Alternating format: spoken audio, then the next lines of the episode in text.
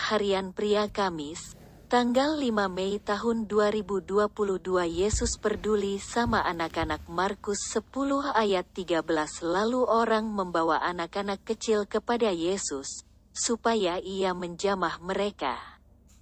Akan tetapi murid-muridnya memarahi orang-orang itu. Ada orang-orang, sepertinya ibu-ibu yang membawa anak-anak mereka kepada Yesus.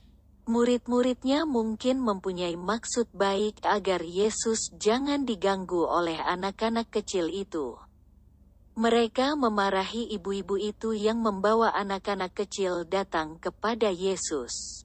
Tetapi Yesus memarahi murid-muridnya dan berkata kepada mereka, Biarlah anak-anak itu datang kepadaku, jangan menghalang-halangi mereka, sebab orang-orang seperti itulah yang empunya kerajaan Allah.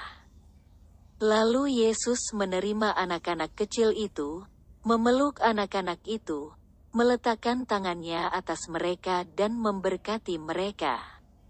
Hati Yesus juga tertuju kepada anak-anak kecil. Dan ia mengatakan bahwa merekalah yang empunya kerajaan sorga.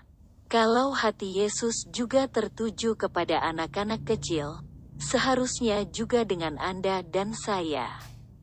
Sebagai orang tua, apakah kita mengasihi anak-anak kita seperti Yesus mengasihi mereka? Memberi yang terbaik dan menjadi teladan bagi anak-anak kita. Siapa pun kita, entahkah kita sebagai orang tua atau sebagai orang yang belum menikah, marilah kita juga peduli kepada anak-anak kecil.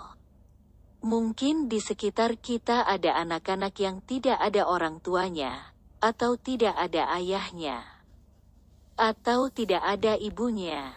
Mungkin juga ada anak-anak yang berasal dari keluarga yang berantakan. Marilah kita jadi seperti Yesus yang memberkati mereka. Jadilah orang tua rohani bagi mereka yang membagikan kasih Yesus kepada mereka.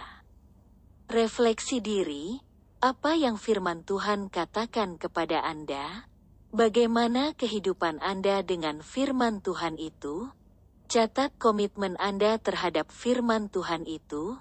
Doakan komitmen Anda itu, pengakuan iman, saya belajar peduli sama anak-anak, memberkati. Jadi orang tua jasmani dan rohani bagi mereka.